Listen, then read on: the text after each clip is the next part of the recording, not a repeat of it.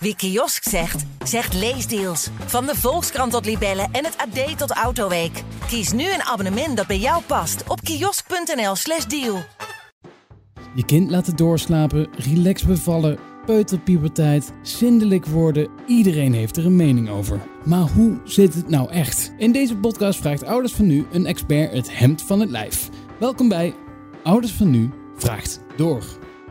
Welkom bij weer een nieuwe podcast van Ouders van Nu Vraag Door. Vandaag vragen we door over modern ouderschap en specifiek over de mogelijkheden die je hebt als je niet op een traditionele manier zwanger kan worden. Omdat je bijvoorbeeld lesbisch, single, onvruchtbaar, homo of transgender bent. Hier bij mij aan tafel zitten Mirella van Marcus. Goedemorgen. Hi. En Femke Zeilema. Hallo.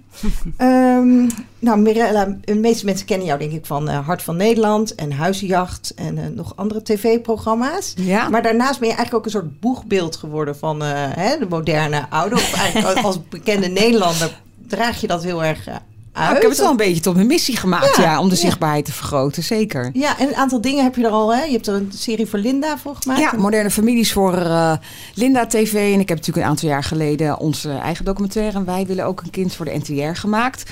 Waarin onze persoonlijke zoektocht echt te zien was... hoe wij onze kinderwens uh, nog steeds te zien, gaan invullen. Ja, NPO Start. NPO Start kan je nog steeds uh, bekijken. Dus ja, ik vind het natuurlijk een heel interessant onderwerp, omdat ik zelf natuurlijk ooit enorm zoekende was. Maar vooral ook omdat, kijk, je hebt natuurlijk een aantal basisvormen waarop je kinderwens kan vervullen. Maar daarbinnen zijn zoveel verschillende nuances, zoveel thema's. En ook wel spannend dat ja, gewoon de kinderen die daar allemaal uit voortgekomen zijn, die ja, beginnen nu een beetje volwassen te worden. Dus het, is ook wel, het voelt ook wel een beetje experimenteel. Dat je denkt, oh, hoe hebben zij het ervaren? Heb ik ook kinderen in het boek ook geïnterviewd. Maar dat is er ook wel spannend aan. Dat je iets aangaat en ook niet weet hoe het uit zal pakken. Ja, ja leuk. Um, um, Femke, um, wat heb jij met dit onderwerp? Nou, uh, ik heb uh, Mirella geïnterviewd hierover. Want we hebben recent, uh, volgens mij komt het in nummer 1. Ja, het kerstnummer. Kerstnummer, nummer 1, ja. ja. Een groot artikel over uh, hoe, je, uh, hoe wij met z'n allen eigenlijk uh, hier naar kijken. En dat je onbewust um, toch in hoekjes denkt, terwijl je dat eigenlijk niet wil. hoe normaliseer je, of hoe kijk je, kun je een andere definitie geven aan traditionele gezinnen? Of normale gezinnen eigenlijk. Het normaliseren. Ik vond sowieso dat woord, hè, jij zegt, ja. ik was ook aan het worstelen, daarom las ik het net ook een beetje voor. Is het nou hè, niet traditioneel, dan lijkt het net of... Ja. Of normaal, uh, normale gezien. Hè? Zie je, zo ga ik ja, dan alweer. Het is heel ingewikkeld. Ja, moderne ik denk, families. In de wetenschap wordt wel veel gesproken over anderouderschap. Kijk, en moderne families is meer... Um, ik heb die titel ook bijvoorbeeld bij Linda gebruikt... omdat heel veel mensen dan weten... Wou, oh ja, moderne families, dan weten we wel ongeveer waar we het over hebben. Of regenboogouders. Maar dat is natuurlijk ook niet altijd zo. Want het hoeft niet per se een, een gay ding te zijn. Hè. Er zijn ook veel hetero's die kampen met onvruchtbaarheid... of single hetero vrouwen of mannen die een kinderwens hebben. Ja, ja ander ouderschap. Maar dat klinkt dan weer zo... Um, ja. Het klinkt allemaal niet leuk. Uh, en ook... Maar dat is denk ik een beetje wat het hele punt is... dat onze taal eigenlijk tekortschiet voor alle nieuwe vormen die er zijn. Ja, en heb je het in andere talen wel?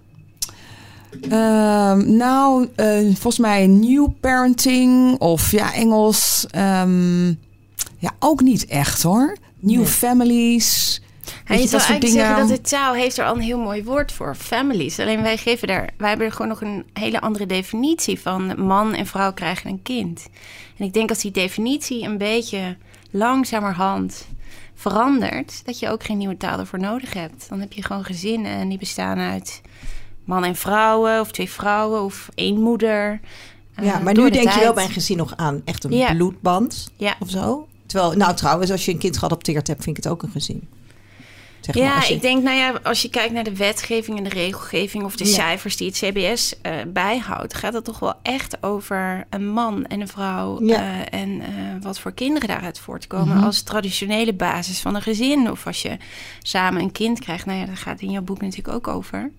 Dan kom je in een soort regelgeving terecht dat je überhaupt voordat je kind wettelijk van jou is en ben je ook echt maanden verder. Ja, ik denk dat in veel hoofden van mensen, hè, mensen kunnen ook aan mij vragen, wie is nou de echte moeder? Dat het gewoon vanuit oudsher, dus cultureel, historisch bepaald is, dat een, een kind krijgen was gewoon altijd met een man en een vrouw. Dus dat is jaren zo geweest.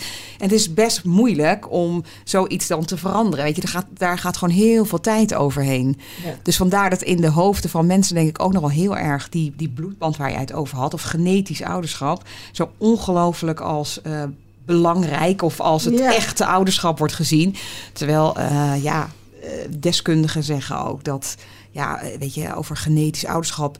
Dus dat is in de ba eigenlijk niet eens zo belangrijk. Ik bedoel, hechting is belangrijker. En dat is gewoon vanaf het moment dat het kind geboren wordt, dat het liefde krijgt en veiligheid en stabiliteit.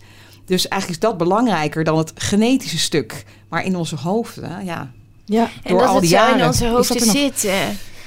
Ehm, ik sprak een uh, Henny Bos daarover en zij doet daar uh, al jarenlang onderzoek over. En het is niet zo gek dat het zo in onze hoofden zit, want daar komen we natuurlijk vandaan met vanuit de kerk en je trouwde en de vrouw ging thuis. Uh, nou, daar hadden we het net al even gezien, over. hè, man ja. en vrouw. Op school wordt je verteld, een man en een vrouw krijgen een kind bij seksuele voorlichting. Dus het is een soort geprogrammeer van ons brein. Ja.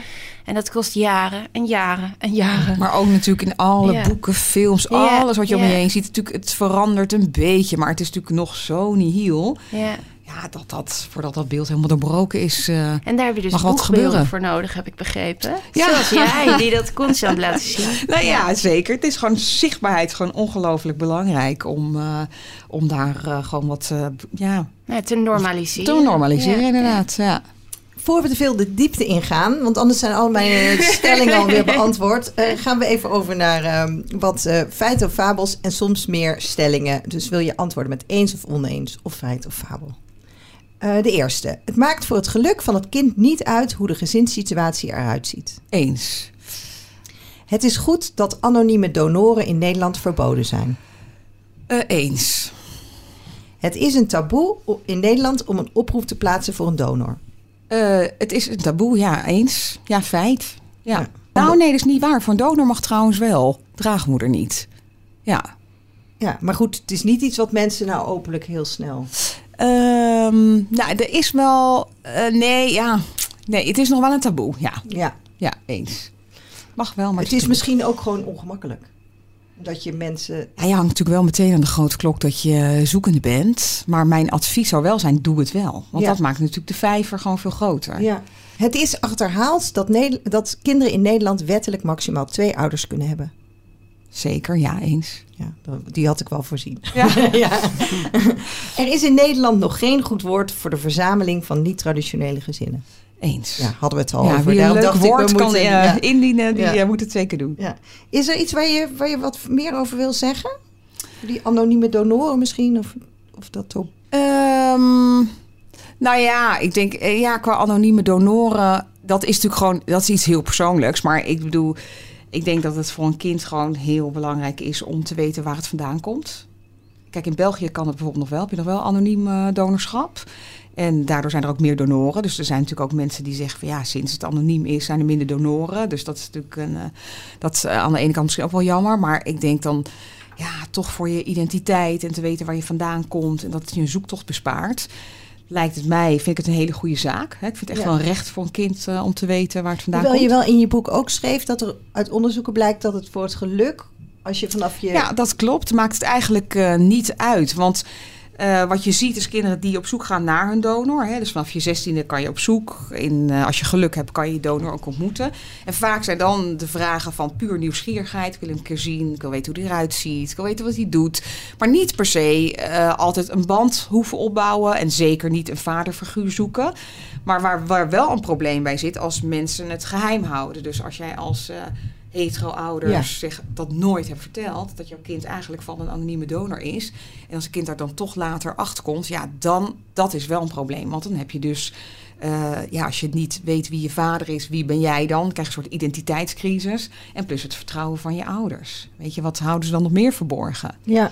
Dus dat is eigenlijk een groter probleem dan het feit dat je van een anonieme donor komt. Ja, misschien even voor de mensen die jou niet zo goed kennen. Een aantal jaar geleden gingen jij en je vrouw Claudia op zoek hè, naar je wil graag een kind, maar hoe dan? Hoe heb je dat aangepakt of hoe gaat zoiets? Ja, wij, uh, ja, stonden wel echt helemaal zo aan het begin van die zoektocht en hadden ook eigenlijk helemaal geen voorbeelden in onze omgeving. En ik had daar wel heel veel behoefte aan, want ik voelde enorme verantwoordelijkheid omdat we het op een andere manier gingen doen. En dan denk je van ja, wat is dan het beste voor je kind? En ik had ook heel veel behoefte om met ervaringsdeskundigen daarover te praten en uh, te onderzoeken wat uh, dan de juiste keuzes waren. En uiteindelijk hebben we toen de documentaire mogen maken. Dat was eigenlijk een soort excuus om een soort rondje te kunnen doen langs andere lesbische ouders en donorkinderen en een ontwikkelingspsycholoog. En, en je hebt de Stichting Meer dan Gewenst, toch? Was Stichting Meer dan ja. Gewenst, die, uh, ja, daar kun je terecht als je vragen hebt omtrent roze ouderschap. Dus daar is het wel zo dat vaak één ouder wel iets van een, een gay, gay oh, is. Ja, dus ja. hetero's met een gay vrouw of nou ja, van alles nog wat. Uh, dus daar kan je ook terecht, ook voor speed dates, om, uh, om een donor of een eicel of een draagmoeder te vinden. En um, ja, dus wij ja, hebben eigenlijk een rondje gemaakt langs allemaal ervaringsdeskundigen. En op die manier eigenlijk onderzocht, ja, willen we dan een bekende of onbekende donor? Hoe groot moet die rol dan zijn? Gaat ons kind dan papa zeggen of niet? Um, dat dacht je toen al, voordat je... Ja, daar ben ik toen, ja, ja want het is natuurlijk wel... Um, ja, je moet van tevoren natuurlijk heel goed bedenken hoe, hoe het er straks uit gaat zien. Want als jij um, nou, met een bekende donor aan de gang gaat, zoals wij wilden, want we wilden geen anonieme donor, omdat ik echt wilde dat ons kind, uh, nou ja, gewoon makkelijk zijn vader zou uh, kunnen leren kennen, dat het geen zoektocht zou zijn. Maar ja, dan kom je natuurlijk voor de vraag hoe groot moet die rol dan zijn? En dat is natuurlijk. Ja, kijk, als één dag in de week. Uh, ja, weet je, ja. want dan komt een volwassen persoon komt ook weer in jouw leven. En, ja. uh, dus dat was best wel even lastig uitzoeken. Want je wil wel dat diegene bekend is, maar wilde dan ook weer niet een te grote rol. Maar waar ligt dan die ja, grens? Komt hij wel op de verjaardag, maar komt hij dan ook met kerst? Precies. Ja. En zijn zijn ouders dan ook de opa en oma of niet? En uh, zitten we straks met alle families bij elkaar? Of, maar nou waren, waren, dit ook vragen? Want ik kan me ook voorstellen als je zo begint, dat je eerst begint met een soort paar basisvragen, praktisch misschien, van hoe dan en waar dan. Maar dat je hoe verder je in die zoektocht gaat, dat je op een gegeven moment die vragen steeds meer worden. Ja, wij hebben, toen, wij hebben wel een hele een zoektocht langs heel veel uh, donoren gehad. Uh, waarop het elke keer op een punt stuk liep. Maar dat maakte wel waardoor dat we steeds meer ervaring kregen in dingen van ik, oh ja, daar kan het ook nog op misgaan. Dus bijvoorbeeld um, een donor die leek totaal geschikt. En dan uiteindelijk had hij in zijn contract gezet: ja, maar ik wil wel tijdens de zwangerschap dat uh, jullie overleggen als er uh, paracetamol geslikt moet worden. En ik wil wel, als ik nog meer kinderen krijg bij andere vrouwen, dat ze elkaar één keer per jaar zien. Toen dacht ik: wow, oké, okay, dus dit is ook iets. Uh, in hoeverre mag iemand zich met ons bemoeien? Ja. komen er nog andere kinderen? En um, wat was je vraag ook alweer? Nou, dat, dat je begint met een soort... Want je zei net, ik voelde me heel verantwoordelijk. En dan begin je met zo'n documentaire. En eigenlijk, ook als je het boek leest... van de één vraag val je in de andere. En dan komt er nog een vraag. En dan... Het is ook een soort wereld, volgens mij, die je langzaam ontdekt. Ik vond ook een hele grappige vraag. Dat je zei, wat zet je op het geboortekaartje? Ja. Dat, ja. is, dat, is, ook een soort, meteen een soort afbakening van... Dat is een enorm ja. goede testvraag. Ja. Want in ons geval ja, hebben wij echt alleen... Uh, Claudia en ik staan erop als ouders. En... Uh, en, maar je hebt ook mensen die zetten, zeggen, nou, of met dank aan de donor. Of ze zetten, uh, zeg maar, ik zeg, donor heet Piet. Nou, kindjes geboren en uh, nou, ouders zijn die die en Piet. En bijvoorbeeld een vriendin van mij, die heeft een donor van de zaadbank. Die zegt, heeft geschreven met dank aan C035. Oh. maar het zegt wel wat over toch ook de plek die je dan die donor geeft in het ja. gezin. Of, ja. En in ons geval wilden wij natuurlijk wel echt heel duidelijk de ouders zijn. Dus niet als drie volwassenen in een soort driehoeksverhouding belanden. Dus dat hebben we toen heel strikt afgebakend. In het begin super strikt. Maar je maakt dat gaandeweg, als dat vertrouwen groeit... en je ook voelt dat iemand anders best een bescheiden rol ook blijft innemen... dan word je daar eigenlijk weer veel makkelijker in. Ja. Dus in het begin spreek je iets af van, nou ja, hoe vaak moet je elkaar dan zien... Dan denk je, nou ja, we zijn niet echt familie. Dus hoe vaak zie ik mijn ouders? Nou ja, iets minder dan mijn ouders. Je gaat gewoon heel praktisch denken. Dus wij dachten, nou bijvoorbeeld één keer in het kwartaal, ik noem maar wat. Maar ja, nu denk ik van, nou ja, deze maand zijn wij allemaal zo'n beetje jarig. Nou, dan zien we elkaar bijna elke week. Nou, dan zien we elkaar weer een paar maanden niet. En Sinterklaas vieren we weer met elkaar. In de vakanties doen we een leuk dagje, gaan we wat doen. Weet je, dus het is ook... Maar had je dit allemaal van tevoren bedacht toen je die zoektocht begon? Dat, nee, dat je ik ben, ik ben naar die antwoorden... Nee, yeah. ik wist dat allemaal niet. Ik nee. ben ik eigenlijk gaandeweg tegengekomen. Maar wat zijn dan belangrijke dingen om over na te denken? Weet je, ik ben bijvoorbeeld... Uh, uh, ik sprak ook met een uh, co-ouder en uh, die hadden dus van tevoren bijvoorbeeld niet bedacht gewoon vergeten dat als hun kind jarig was, dat dus dan de familie van de twee van het homostel er zouden zijn, maar ook nog de familie van de single moeder. En die heeft ook nog twee gescheiden ouders. En dat, dat ze daar op een gegeven moment echt met, weet ik veel, acht opa's en oma's. en, dus als de alleen de familie er al was, waren er al dertig mensen. Ja. Nou ja, dat soort dingen. Maar dat is misschien ook wel de valkuil dat je in eerste instantie alleen maar bezig bent met hoe ga ik mijn kinderwens vervullen. Ik moet gewoon uh, iemand hebben die zaad kan geven. Of ik moet gewoon een ja. eicel. Of ik wil gewoon een draagmoeder. En dat je bijna vergeet om te denken. Ja, maar hoe ziet het er dan even ons leven over vijf jaar uit? En over tien jaar en over vijftien jaar. En hoe gaat dan als er een verdeling is, die verdeling? Of hoe gaat dan een contact met een draagmoeder? Of hoe gaat dan een contact met een donor? En hoe, hoe vaak willen we dat? En wat als het kind meer wil? Of als het kind niet wil? Of, en dan die ouders. Dus zijn en, en zwanger zijn. En kijk, ik ja, herinner mij van mijn zwangerschap, al deze vragen die jij stelt, heb ik serieus, nou ik denk de eerste drie jaar niet over nagedacht. Van, uh, ik dacht gewoon ook, mijn zwanger. De, hoe, de, hoe de wereld er voor je kind uitziet, dat is natuurlijk, daar ben je dus expliciet heel veel mee bezig, nog voordat er überhaupt een bevruchting is. Dus dan stap je op een hele, ja, bijna een soort rationele manier zo'n zwangerschap al Ja, omdat je natuurlijk ook een rationele keuze daarbij maakt. Ik maak een keuze om het op een bepaalde manier in te vullen. Wat een gevolg heeft voor het leven van mijn kind. Um, kan ik niet alleen maar gevoelsmatig doen. Nee. Want het heeft gewoon hele grote consequenties. Je gaat nadenken over dingen. Oké, dus ja, ze hebben dus een vader. Maar die vader staat dus niet elke zaterdag langs de lijn. Is dat dan erg? Wil, gaat, gaat mijn kind dan missen dat zijn vader daar niet is? Gaat hij dan denken, ja, ik heb wel twee moeders, maar mijn vader is er nooit? Of zal ze dat niet zo gaan voelen, omdat ze denken, nee, ik heb al twee ouders. Dit zijn gewoon mijn ouders. En mijn vader dat is gewoon, heeft gewoon een andere rol. En dat accepteer ik gewoon als zodanig. Dat is natuurlijk allemaal dingen waar je dan over na gaat denken. Is het een teleurstelling of is het juist een mooie En het verschilt waarde ook per kind. Want je hebt twee kinderen. Zou ik me ook voorstellen dat de ene het wel fijn vindt om die vaker te zien? Of denk je dat dat echt vanuit jullie gestuurd kan worden? Um, nou, ik denk als kinderen klein zijn, is het natuurlijk wel heel erg wat je als ouders uh, faciliteert. Het is natuurlijk makkelijk gedacht, dachten wij ook. Nou, we laten gewoon van het kind afhangen en dan uh, zien we wel waar de behoefte ligt. Maar dacht, ja, dat is natuurlijk ook niet helemaal waar. Want in die eerste jaren ben jij wel verantwoordelijk van, wil je dat het kind zich toch al een beetje vertrouwd voelt bij in ons geval een bekende vader of, of, of mm. niet? Is en het kan voor kinderen natuurlijk ook heel verwarrend worden als je zegt, joh, zeg jij zelf maar wat je wil. Of, uh... Ja, en, en, aan de andere kant, volgens mij is het wel zo. Wij, want bij ons is het zo gegaan. Uh, in het begin zeiden wij zelf nog geen uh, papa Hans. Toen hadden wij het gewoon over Hans. Maar op een gegeven moment moesten wij wel, toen Sammy tegen de buurman papa ging zeggen. en tegen andere vaders dachten we: oh ja, we moeten toch echt wel iets uitleggen. Toen zeiden we: nou, je hebt ook een papa, maar dat is Hans. En toen heeft zij zelf ook die klik gemaakt. Ah, papa Hans. Oh, dus ik heb ook een papa. Dus toen hij de volgende keer bij ons kwam, zei ze hey, papa. En, dit hadden wij wel van tevoren al besproken van stel dat onze kinderen dit willen. Dus dat vond hij oké. Maar we wisten nog niet hoe dat zich zou uh, uiten. Dus uiteindelijk, uh, ja, nu noemen ze hem altijd uh, papa. Ja. ja. Ja, grappig. Uh, ja, in je boek leg je van eigenlijk per manier uit hè, wat, en interview je mensen. Het gaat denk ik een beetje ver om al die manieren nu hier te bespreken. Maar is er één iets waarvan je denkt, nou dat is wel iets waar heel veel misverstanden over bestaan? Of een. Ehm, ehm, nou, wat ik bijvoorbeeld echt een hele mooie vorm vind, en misschien ook wel tegelijkertijd de meest moeilijk indenkbare vorm, is draagmoederschap. Ja omdat ik dan zelf dacht van jeetje, dat je dat, ik zou het niet kunnen, denk ik, een kind dragen en dat dan aan iemand anders overdragen. Maar ik heb bijvoorbeeld uh, Pauline van Berkels, een van de, ik noem maar altijd een beetje de oerdraagmoeder van Nederland, omdat ze een van de eerste was. En ook, uh, nou ja, echt ook een boegbeeld is voor de draagmoeders. En samen met uh, Ernst en Patrick. En zij hebben wel voor hun gevoel ook echt het wiel moeten uitvinden.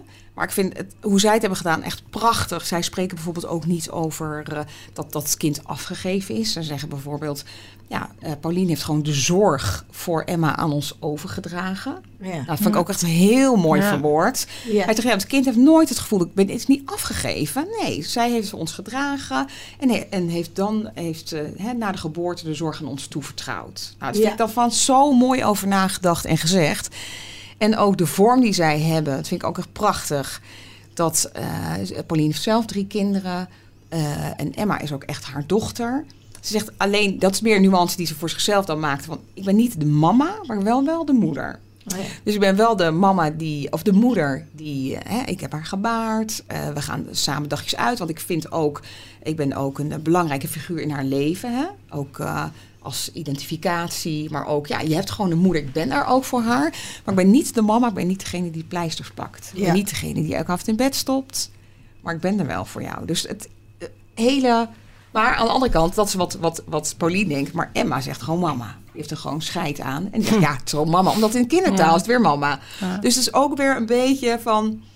Voor iedereen is dat anders. En ik denk dat dat ook wel een ja, belangrijke les... Die, wat ik bijvoorbeeld uitgeleerd heb. Dat ik vond bijvoorbeeld het woord papa in het begin heel lastig en intiem en beladen. Ik denk, ja, ons kind gaat toch geen papa tegen hand zeggen? Want ja, ze, hebben gewoon twee moeders. En niet een papa in die zin die er dagelijks is. Maar later dacht ik, ja, dat is dus echt iets van mij. Um, omdat ik daar natuurlijk een bepaald gevoel bij heb. Maar niet van ons kinderen. Ik moest ze eigenlijk gewoon de vrijheid geven om... Dat woord heeft voor hun gewoon een andere lading, andere betekenis. En eigenlijk moet je je eigen beperkingen soms opzij zetten... om je kinderen bepaalde vrijheid te geven. Gewoon deze nieuwe vormen uh, zelf te mogen invullen. En daar ook een eigen betekenis aan te geven. Ja. Ik denk dat dat wel een goede. Nou, het was wel een goede les voor mezelf, denk ik. En ik denk dat dat het lastigste is als jij bezig bent met je kinderwens. Dan ben je natuurlijk, heb je alleen maar jezelf, of in ieder geval je partner en, uh, en jij. En dan denk je alleen maar vanuit jezelf. En zodra een, een kind er bij komt, ga je natuurlijk ook um, ja, stap je meer over jezelf heen. Dan denk je veel meer, wat, wat, wat betekent het eigenlijk voor mijn kind? Ja. En dat maar is, is dat ook dat die, dat die paden waar jullie over lopen, dat dat nog niet van die gebaande paden zijn? Dus dat je veel nog moet, zelf moet ontdekken? Zeker. Dus je hebt gewoon niet veel voorbeelden dat je denkt: oh, zij deed het zo, zij deed het zo. Nou. Klopt. En daarnaast heb je ook nog zoveel nuances. Dus al zijn er een aantal paarden, toch voor iedereen is het weer. Uh, ja. Toch ook wel anders. Maar dat is absoluut waar, ja. ja. Want, toen, want jij hebt nu dat boek geschreven voor mensen die dan aan het startpunt staan. Is er iets wat jij van tevoren, hè, dat je kan zeggen, nou, als ik dat had geweten, of hè, toen jullie begonnen met die zoektocht? Nou, ik heb me bijvoorbeeld wel zorgen gemaakt over mijn niet-genetisch ouderschap. Want ik was dus in eerste instantie eh, van Sammy ben ik de niet-biologische moeder. En ik dacht wel van, ja, hoe zal dat zijn? Weet je, ga ik ooit die band met Sammy krijgen die Claudia sowieso zal hebben? Dat dacht ik, hè? Ja. want zij, zij baart, zij draagt, eh, dan heeft ze natuurlijk vast al meteen een band. En dat is natuurlijk zo'n bloedband. Ik bedoel, daar kan natuurlijk niemand aan tippen, want dat is onvoorwaardelijk. Dat is er gewoon. Dus ik had me voorbereid dat, dat ik dacht van, nou, ik ga gewoon sowieso heel veel tijd met haar doorbrengen. Dus ik dacht, misschien is het wel net zoiets als adoptie. Dat je denkt van nou, elkaar hè, leren kennen en veel tijd investeren. En dan zorgen dat op die manier die band soort nooit meer stuk kan. Maar, uh, en ik dacht ook van ja, wat dan als zij niet op mij lijkt, maar helemaal op Hans lijkt. Dan kijkt de hele naar de donor, snap je, met wie ik geen mm. relatie heb. Vond ik ook mm. een soort, uh, niet niet omdat hij niet knap is, maar gewoon dat je denkt, ja, ik heb geen relatie met hem. En dus dan zie ik wel iets van mezelf terug. Dacht ik ook nog dat dat misschien wel belangrijk zou zijn. Om het mijn eigen te maken. En dat het niet vervreemdend zou voelen. Maar vanaf het begin was het gewoon zo, is het gewoon als het kind geboren wordt, is het gewoon jouw kind dan gaat gewoon. Uh... Dus deze gedachte had ja, was heel geruststellend geweest. Nou, ik had heel graag willen weten. Bijvoorbeeld, we schrijven je ook een heel hoofdstuk over, uh, over hechting. En wat nou belangrijk is aan diegene. En uh, aan die hechting, hoe dat nou werkt. Ik had heel graag van tevoren willen weten dat die hechting, dat je daarin eigenlijk allebei hetzelfde start. Dus zowel de biologische ouder als de niet-biologische ouder. Dat geldt natuurlijk ook voor een man. Die baart natuurlijk ook niet. Ja, nee. ja, het is wel zijn zaad doorgaans. Maar eh, weet je? En dat eigenlijk, je begint allebei bij hetzelfde punt. Er ligt een kindje, je kent het nog niet. En je gaat er gewoon voor zorgen. En je gaat elkaar leren kennen en je gaat een band opbouwen. En, en dan had ik heel graag dat al willen weten van deskundigen dat het zo werkt. En ook wat ervaringsverhalen willen horen. En dat had wel nou, had denk ik wel wat onzekerheid weggenomen. Ja, maar ja, dat lees je in heel veel verhalen hè, die je van mensen die je hebt geïnterviewd. Zeker, ja, absoluut. We hebben nog een, eh, een lezersvraag van heel andere aard, eigenlijk van iemand die buiten dit, hè, zelf er niet, maar, maar er toch mee naar. Hoi, ik heb een vraag. Mijn zoontje zit nu in de kleuterklas en er is een nieuw meisje binnengekomen. En die heeft uh, twee moeders. En mijn zoontje vroeg nu aan mij van, hoe kan dat nou? En mijn vraag is aan jullie, hoe kan ik dat het beste uitleggen aan mijn zoontje? Nou, precies zoals het is. Ik zou gewoon zeggen, um, ja, Uh, je hebt natuurlijk ook gewoon twee uh, moeders die heel erg veel van elkaar kunnen houden. En die met elkaar kunnen trouwen of samenleven. Die ook graag een kindje willen. Net zoals je, ik maak het palet vaak breder. Ik zeg, net zoals je twee vaders kan hebben. Sommige kinderen hebben drie ouders of vier ouders. Of sommige één. Of, um, en um, ja, en ik vertel daar eigenlijk ook altijd wel bij. Maar goed, als je twee moeders hebt, dan heb je toch om een kindje te krijgen, heb je wel een zaadje nodig. En daar uh, heeft in ons geval dan papa Hans uh, bij geholpen. Daar zijn we hem echt super dankbaar, uh, dankbaar voor. En soms zien Sammy en Bobby hem ook. Dus ik vertel het eigenlijk altijd gewoon echt gewoon zoals Krijg je vaak die vraag en word je Heel niet dus vaak. gek van? Nee, ik word er nooit gek van, omdat... ja, ik vind het gewoon een leuke vraag. En ik snap het ook, weet je. Bijna alle kinderen die een keer voor het eerst komen spelen, stellen die vraag. Ja. Dus ik heb dat met Sammy allemaal gehad, kleuterklas. En nu gaat Bobby naar de kleuterklas. En dan krijg ik het echt meteen, je kan er donder op zeggen, krijg ik van de week alweer van... Sammy heeft uh, geen papa of uh, heeft uh, twee mama's. En dan ga ik gewoon het hele verhaal, vertel ik gewoon altijd weer Ja. opnieuw. Dat doe ik Ja. wel bewust meteen vertellen. Omdat als eh, Bobby staat er dan naast, of soms laat ik het er zelf ook wel vertellen. Omdat ik gewoon wil dat zij voelen en al die kinderen dat het zo gewoon is en zo vanzelfsprekend. En dat het ook iets is waar zij ook bij ons altijd alles over kunnen vragen en zeggen. Ja. En dit is vooral een signaal wat ik natuurlijk heel erg naar mijn eigen kinderen wil afgeven. Dat zij zo sterk en open erover kunnen praten. Zodat zij altijd daar, eh, ja, dat ik ze op die manier ook wel weerbaar maak. Want eh, het staat ook in het boek dat, hè, het blijkt ook wel uit onderzoeken, dat op de basisschool gaat het eigenlijk altijd wel goed. Weet je, die kinderen die zijn, ja, weet je, die zijn nog niet zo bewust mee van wat is anders en wat is gewoon. Maar dat gaat natuurlijk wel heel erg op de middelbare school spelen. Dat je vooral niet anders wilt zijn. En dan zie je ook wel dat kinderen uit eh, zeg maar de moderne families nou, dat een beetje wegmoffelen. Omdat ze denken, nou, ik hoef het er niet per se over te hebben. Snap je? Ja. En eh, dus dan kunnen ze natuurlijk ook weer daarin wat kwetsbaarder worden. Dus ik vind het heel belangrijk dat zij dat zo op een open manier meekrijgen. Ja. Dat zij daar straks weerbaar Ja, gaan. maar hij hoeft niet alle technische details van je hebt een eiceldonatie alles kunnen doen. Eh, Of, eh, dat nee. Nee, nou nee, ja, ik denk dat het verhaal pas je gewoon aan de leeftijd Ja. eh, aan. Dus nu als nu vriendinnetjes van Sammy komen, kan ik wel iets verder gaan daar al in hoe dat dan tot stand is gekomen. Maar dat ga ik niet gelijk eh, op kleuterniveau nee, vertellen want hoor. mijn zoon die in de kleuterkast die zegt ook ik ga met Max trouwen. Ja. Dus, en, Ja. en dan zeggen zijn oudere broers, nou dat kan niet. En dan moet ik uitleggen dat dat ook heus, weet je. Dus dat is dan wel iets was op de kleuterschool inderdaad. Net als dat ze met de juf gaan trouwen, maakt eigenlijk niet uit. Ja, maar ik vind dat wat je zegt echt supergoed. Dat als een kind eh, zoiets zegt, dat je meteen daarop inhaakt. Gewoon eh, in het dagelijks leven. Van, oh, maar dat kan. Je kan met een man vrouw, trouwen of met een vrouw. Of net zoals je je eh, misschien geen jongetje of geen meisje voelt, maar iets ertussenin. Dat als iets in het dagelijks leven, als die kinderen erover beginnen, dat je daar gewoon meteen hop dat haakje eh, oppakt en daar iets over zegt. Want ik denk wel dat dat de manier is om gewoon bij alle kinderen, zeg maar de nieuwe generatie, deze ehm, openheid mee te Ja. geven. Ja, en ook wat, je, eh, wat je volgens mij, eh, toen ik jouw interview hierover vertelde, van er zijn ook boekjes of zet eens een keer een ander kinderprogramma op waar, waarin eh, ze een moderne familie is. En als je kind dan op een gegeven moment komt vragen van eh, hoe kom ik eigenlijk in jouw buik terecht? Dat je dan eh Ja, het zijn je mooie momenten om ook andere verhalen mee te pakken, zeker. En ook een soort andere basis te leggen, denk ik. Nou ja, ik denk dat het heel fijn is überhaupt voor alle kinderen dat zij weten dat hun ouders eh, heel open-minded zijn. Dus stel dat zij later zelf erachter komen dat ze iets van een gender issue hebben of met hun geaardheid een beetje in de knel zitten. Maar als je van, van jongs aan altijd van je ouders hebben gehoord, gewoon terloops bij dat soort Ja. gesprekjes van ja, nou ja, je hebt gewoon helemaal kinderen die of op een jongen vallen of op een meisje vallen. Of eh, en kinderen die zich misschien niet helemaal jong of meisje voelen of iets ertussenin. Weet je, dat kan. En als dat altijd in het dagelijks leven gewoon, als het toevallig ter sprake kwam, eh, even erbij benoemd Ja. is. Dat geeft zoveel rust later als jongeren hiermee kampen. Dat ze in ieder geval weten, thuis is het gewoon bespreekbaar en is het oké. En dan kan het voor hunzelf nog een hele worsteling zijn. Maar dan nog weet je dat je ouders er goed in staan. Ik denk dat dat is mega belangrijk. Ja. ja. hey, en dat hele... eh, hè, stel, je, je begint nu die zoektocht. Het is een beetje een saai onderwerp, maar die hele, dat hele, die hele juridische kant en die regelgeving kant. Kun je daar iets over vertellen van hoe dat op jouw pad kwam? Dat je ineens besefte van, zo, dat is, eh, daar komt eigenlijk best wel wat bij kijken. Omdat, eh, Nou ja, wat je gewoon ziet is dat de wetgeving gewoon hopeloos achterloopt bij de werkelijkheid. Dus dat is eigenlijk gewoon heel triest gegeven. En ik hoop dat dat ook echt gaat veranderen. En uh, je zou, heel veel mensen denken ook van, nou, wij hebben bijvoorbeeld het homohuwelijk in Nederland. Dus alles in, is in kannen en kruiken. Maar toch is dat niet helemaal zo. Want uh, bijvoorbeeld Claudia en ik zijn getrouwd. Nou, dan ben ik wel hier voor de Nederlandse wet meteen ouder. Dus dat is dan wel goed uh, dichtgetimmerd, hoe noem het, afgedekt. Maar gaan wij bijvoorbeeld naar buitenland, daar waar het homohuwelijk niet van kracht is, dan kan je bijvoorbeeld voor situaties komen te staan. Stel, wij krijgen een ongeluk in Italië.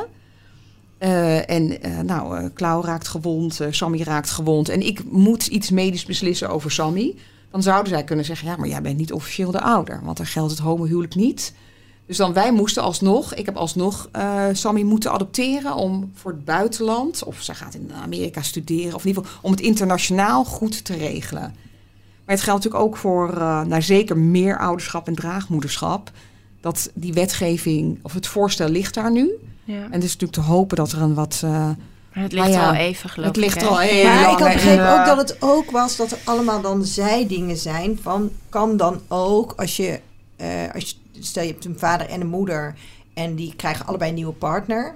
En je hebt dus twee co-ouders zeg maar erbij gekregen. Hoe zeg je dat? Twee nieuwe jouw moeder. Bedoel je nascheiding? Stiefouders. Ja als je dus zegt meerdere ouders, dan zouden ook hetero stellen kunnen zeggen: ja, maar ik heb met mijn nieuwe partner wil dan ook de moeder worden. Weet je, dat dat oh, dan zo. allemaal, hoe je dat dan vastlegt, wie dat mhm. wel mag zijn.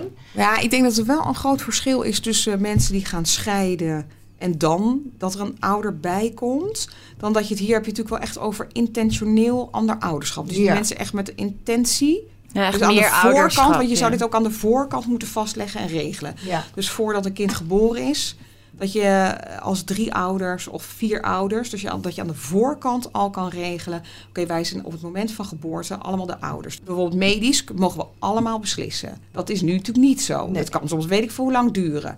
Stel je, wil op vakantie, je bent een niet-juridische ouder, dan kan je al voor grote problemen komen te staan. En natuurlijk ook voor draagmoederschap geldt natuurlijk ook hetzelfde. Het zou natuurlijk fantastisch zijn als je dat gewoon ook in belang van het kind, dat je het aan de voorkant kan regelen. Nu probeer ze met allerlei andere wetten en dingen te omzeilen om ook zoveel mogelijk, zo snel mogelijk te regelen. Maar je zou natuurlijk eigenlijk voor de geboorte moeten regelen dat de draagmoeder het kindje over gaat dragen aan uh, de ouders. Dat de ouders bij de geboorte de wensouders, juridisch ouders zijn. Dat ook niet het gevaar is dat straks die draagmoeder met een kind zit. Wat ze helemaal niet wil. Want het idee was natuurlijk om het aan de wensouders te geven. Of dat straks de wensouders met lege ja, handen achterblijven. De wet stelt eigenlijk, degene die het kind draagt, is automatisch de moeder. Absoluut. Ja, ja dat is nu nog de wet. ja. ja. En het, maar het is in het belang van het kind om het aan de voorkant te regelen. Want je wilt ook, ook niet dat een kind bij een ouder komt die het eigenlijk niet wil hebben. Want het was niet het idee. Je, je zou het dragen voor een ander. Of nou ja, dus dat is. Ja, ik hoop gewoon echt dat er een. Uh, ja, dat het uh, nieuwe kabinet uh, nou, eigenlijk door gaat pakken. Zijn er landen waar dit wel goed geregeld is? Hmm, weet ik eigenlijk niet. Weet ik Misschien dat in de Scandinavische landen die zijn doorgaans lopen iets uh, voor op ons. Dat zou kunnen, maar dat durf ik niet te zeggen. Nee. Hey, en als je nou, want wat ik me vooral heel erg herinner van ons gesprek, of niet vooral, maar ook heel erg herinner, en volgens mij vroeg ik je dat op een gegeven moment ook van. Hè, uh, je, je, zo'n zwangerschap is, wordt, hè, wordt, wordt beladen in de zin van uh, je vertelde mij dat je bij uh, een gynaecoloog zat en dat je dan zo'n uh, iets moest invullen en dat jij dan niet de drager zou zijn, maar wel je genetisch profiel moest afgeven. en dat er constant van die dingetjes zijn die je die gewoon je, je misschien ook wel afhouden van dat hele idee van wij gaan samen een kind krijgen. Of we gaan oh, samen een kind maken. Of we gaan een gezin stichten. Zeg maar die frivoliteit die ook zo bij een zwangerschap hoort. Is dat, uh, kan je daar nog iets over zeggen als in van hoe kun je, die balans een beetje houden zonder dat je verdwaalt in gedachten? Want je moet nadenken: waar vind ik een donor? Is die gezond? Uh, je bedoelt dat het bijna te rationeel wordt? Nou, het is ja, je moet natuurlijk, je, je wordt verplicht om, omdat de wet dan niet helemaal goed geregeld is, dat moet je goed regelen. Je moet nadenken over die donor. Je moet denken: heeft hij niet een of andere rare SOA als je het zelf regelt? Er zijn zo, Zeker, er zijn zoveel dingen. Ja. Terwijl als je nou ja, desalniettemin blijft het nog steeds wel een hele... Dus zoals ik het heb beleefd... Ehm, nog steeds wel gewoon een hele mooie, intieme zoektocht. Het klinkt inderdaad misschien wel heel rationeel, alsof je een soort nou ja, plan hoe maakt. hou je het, die zoektocht intiem? Dat nou is misschien ja, misschien om het echt samen te doen. Ja. Dat je echt uh, dit, dit samen beleeft en samen doorgaat en samen goed bespreekt. Ja, dat, ik heb nooit het gevoel gehad... Klauw was natuurlijk de eerste die wilde echt graag dragen en zwanger worden. En dat hoefde voor mij niet per se. Dus dat was een makkelijke keuze. Maar ik heb nooit het gevoel gehad dat het meer haar wens was. Of dat ik daar dan een beetje bij hing als uh, meemoeder. Helemaal niet. Dus het is wel echt iets wat wij samen hebben gedaan. Dus dat hele pad hebben bewandeld. En uh, ja, ook dat hele zwanger worden was dan ook nog helemaal een ding. Dat maakte in ons geval het eigenlijk nog sterker. Ja. Dus het was ook wel een soort, bijna een soort, dit klinkt ook weer heel rationeel en toch is het niet zo. Maar wij zeiden wel altijd tegen elkaar, omdat we heel veel moeite hebben gedaan om überhaupt zwanger te worden.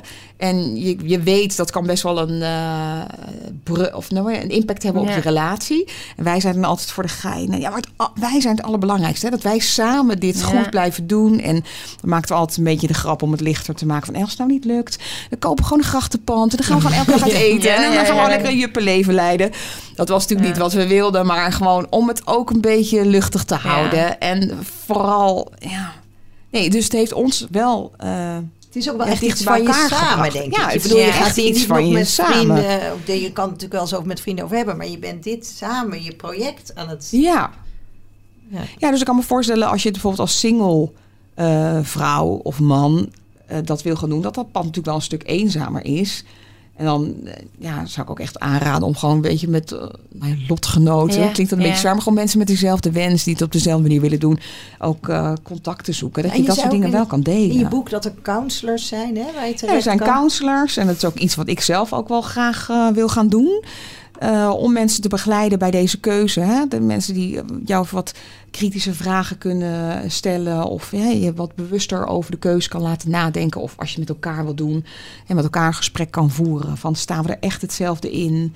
Um, en, je bedoelt je ook, met een eh, donor erbij. Bijvoorbeeld een donor erbij, of een co-ouder erbij, of een draagmoeder erbij. En wat denk ik ook heel belangrijk is, je moet gewoon toch heel kritisch durven zijn. En dat is soms best lastig, want je wil natuurlijk je allergrootste droom vervullen. En als je dan een donor hebt gevonden, of een co-ouder, of een uh, draagmoeder, denk je, oh, fantastisch dat ik überhaupt iemand gevonden heb. en je bent en geneigd. dat hij het wil doen. Ja, dus je bent geneigd om heel veel dingen weg te moffelen. Je denkt, ja, hij wil eigenlijk de kinderen meer zien dan wij, maar ja, ach, nou ja, daar komen we wel uit. Het loopt wel los. Ja, en dat is denk ik wel echt een grote valkuil. Want als je dat nu al denkt, dat wordt natuurlijk alleen maar erger straks in de praktijk. Dus je moet toch, denk ik, en dat is ook de reden waarom wij echt ongeveer zeven, pas zeven donoren verder uiteindelijk met Hans in zee zijn gegaan. Ja, omdat je, je moet echt dicht bij jezelf blijven. Echt heel eerlijk naar jezelf en kritisch durven zijn. En ook naar elkaar. En dus ook naar een donor of een draagmoeder of co-ouder het durven uitspreken zonder bang te zijn. Dat is natuurlijk je angst dat hij dan ineens nee zegt. Ja. Ja. Dus, en, daar kan een counselor wel bij helpen. Dat Claudia zegt, joh, dan doen we toch één keer in de maand. En dat jij dan zegt, nee, maar dat, vind ik, dat lijkt me ook nog lastig. Dat je daar samen Zeker, ja. dat je toch ook op één lijn moet uh, zitten. En ook met de donor of met wie je het dan ook samen gaat doen. Ja, dat je er echt hetzelfde in staat. Want anders krijg je gewoon problemen. Ik bedoel, de dingen die ik om me heen heb gezien... komen dan toch meestal voort dat toch de wens en de verwachtingen, als ze nu terugdenken, ja, we stonden misschien toch niet helemaal hetzelfde in. Als ik heel eerlijk ben, mm. had zijn donor bijvoorbeeld, had ik toch verwacht dat ik een grotere rol kreeg. En ja, en wilde zij toch gewoon de moeder zijn? Ik noem maar wat. Maar en hoor je het ook wel eens andersom? Dat ze van tevoren het allemaal keurig afgebakend... en dat ze dan toch veel grotere rollen in elkaars leven kregen... dan ze van tevoren hadden bedacht? Ja, nou kijk, ik denk zoals bij ons. Uh, niet het Hans de deur bij ons plat loopt. Maar bedoel, dat, dat we het gewoon veel meer loslaten. Dat je eerst denkt, nou één keer per kwartaal. En nu denk je, joh, als hij morgen belt, kom langs, kom lekker langs. En hij zei bijvoorbeeld altijd, ja, dat hebben we ook duidelijk afgesproken. Hij zei, nou, ik ben niet de papa in de zin van de da dagelijkse zin van het woord. Dus mijn ouders worden ook niet opa en oma.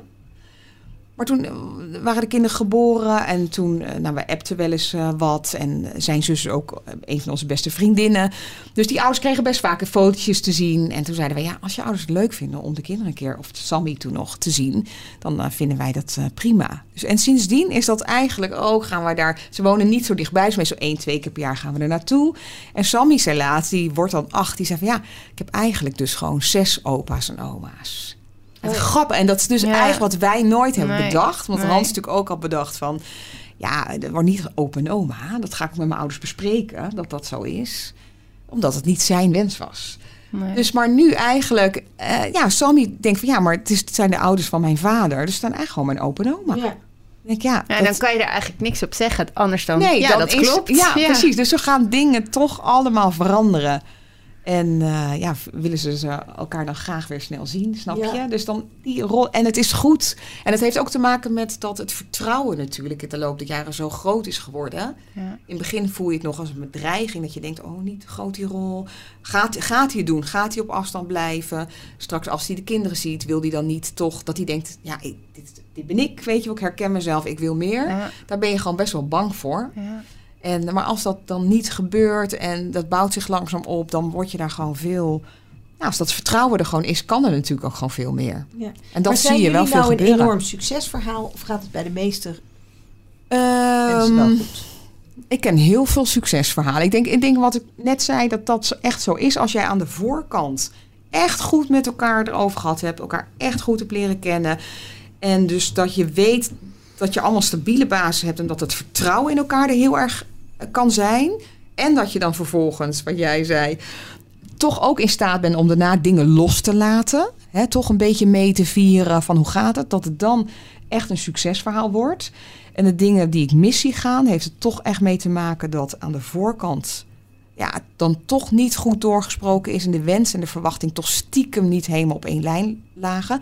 En er dan teleurstellingen komen en dat het dan uh, misgaat. En vaak bijvoorbeeld co-ouderschap is echt een uitdaging. Um, vaak denken vrouwen van, uh, nou ik vind het wel relaxed co-ouderschap, heb ik niet die zorg fulltime. Maar dan komt het moment dat je je kind gaat delen. Ja, en door hormonen, dat, ja, dat zeggen ze bijna allemaal. Van ja, het is alsof mijn hart er wordt uitgerukt. Ik heb echt aan huilen. Het is zo moeilijk om dan je kind ineens, zeg maar, even eh, weg, nou, weg te geven, om te delen. En uiteindelijk komt het ook allemaal weer goed. Maar het is wel een moment, als je dat van aan de voorkant weet, dat je als co-ouder kan zeggen: Oké, we begrijpen het. Ik geef je wat meer ruimte. Neem de tijd. En heb dan ook het vertrouwen dat het goed komt. Dat is eigenlijk het advies wat co-ouders geven. Dat ze denken: Ja, die, die tijd. Je kan niet zeggen van het kind is net geboren en de volgende week komt al een week bij mij logeren. Zo werkt de praktijk dan niet. Omdat, maar ja, dat kan je bijna ook niet van tevoren verzinnen als je voor het eerst moeder wordt dan zijn er gewoon veel dingen die. Voelt. Nee, je weet niet hoe het voelt. Je weet niet hoe je erbij ligt. Uh, ja. wie weet. Uh, dus dat, dat lijkt me ook lastig. Maar ja, je maakt ook een bevalplan. Misschien moet je hier ook een plan maar die komt heel vaak met ook niet uit. scenario's. Nee, maar daarbij nee, zeker. En ik denk als jij met uh, counselors of ervaringsdeskundigen of co-ouders in gesprek gaat, zullen ze absoluut adviseren van. Um, neem daar Wacht echt even, de tijd voor. In, in de, en heb gewoon het vertrouwen. Het komt goed en dat delen. Want uiteindelijk uh, vindt iedereen, uh, zeker die co het ook heerlijk dat er inderdaad gedeelde zorg is. Ja. Maar even het begin, die hormonen en het vertrouwen. En, maar als, als je dat kunt, en dat is zeker voor, uh, staat bijvoorbeeld een mooi verhaal in van Jeroen en Arthur samen Natasja. En Jeroen en Arthur hebben toen Natasja echt die ruimte gegeven. Nou, super mooi. En dat is nou, zo ontzettend goed gekomen. En Natas dacht altijd van, joh, ik ben gewoon zo'n Sex in the City vrouw. Ik wil blijven sporten en uitgaan en werken. Dus heerlijk dat die mannen de zorg gaan doen. Maar dat viel dus mega tegen. Ja. Maar uiteindelijk, en denk ja, dat zij ja, zeggen ook, ook van... voor de moeder. Dat je op een gegeven moment wel op zo'n punt komt. Dat je nu... Dat je het echt wel kunt. Ja, dat je in het begin gewoon hormonen hebt. En dat je niet helemaal ja, dat, de, dat de natuur bijna bepaalt dat het kind constant bij je in de buurt. En dat het ook weer een beetje afvlakt. En dat je dan makkelijker. Ja, dus ik denk inderdaad, als je zegt van ja, zijn er succesverhalen of echt dingen die mislukken, dat het toch heel erg toch te maken heeft met dat je aan de voorkant ja, toch heel erg daarin verdiept van wat kan je tegenkomen. Dus als je daar voorbereid bent, ja. Ja. dan kun je er toch beter mee omgaan en ja, zal je daar wel beter samen uitkomen. Wat voor, dus denk ik, voor veel ouders uh, die niet, uh, zeg maar, waarin gewoon sprake is van een vader en een moeder, ook niet verkeerd zou zijn om na te denken over hoe gaan we die zorg, daar hadden we het net al even over, die zorg verdelen, uh, wat gaan we doen is überhaupt geen slecht idee, denk ik, voor jonge gezinnen om uh, wat. Nee, het is überhaupt een heel goed idee om uh, aan de voorkant inderdaad wat meer uh, ja. daarover te hebben, hoe je het gaat invullen. En de dingen niet alleen maar vanzelfsprekend nee. laten gaan. Nee. En het hoeft echt niet kil en rationeel te zijn. Ik denk dat het juist je meer bij elkaar brengt. Omdat je dus eh, beter weet van elkaar wat je wil en wat je fijn vindt. En het uiteindelijk gewoon een, ja, een, een fijn plan daar ligt. Ja, ja. Heel veel dank voor dit gesprek. Of ik het snel? Of hebben nee, jullie nog één ding waarvan je denkt... nou, dit hebben we gemist? Nee, ik denk uh, in het geval van ander ouderschap... denk het allerbelangrijkste... Ja, blijf altijd gewoon heel dicht bij jezelf. En denk altijd na. Doe het in het belang van het kind. Op de korte en de lange termijn. En, uh, ja, en lees het boek. En lees het boek. Wij hebben ook kind. Ja. Had ik trouwens samen met Jorinde Benner ja, geschreven. Dat dacht ik ook nog. Die hebben we niet genoemd. Ja. uh, en dan kan je overal, hè, bol.com. En, uh, overal te verkrijgen, zeker. Ja. Nou, super. Heel veel dank. Nou, graag gedaan. Leuk.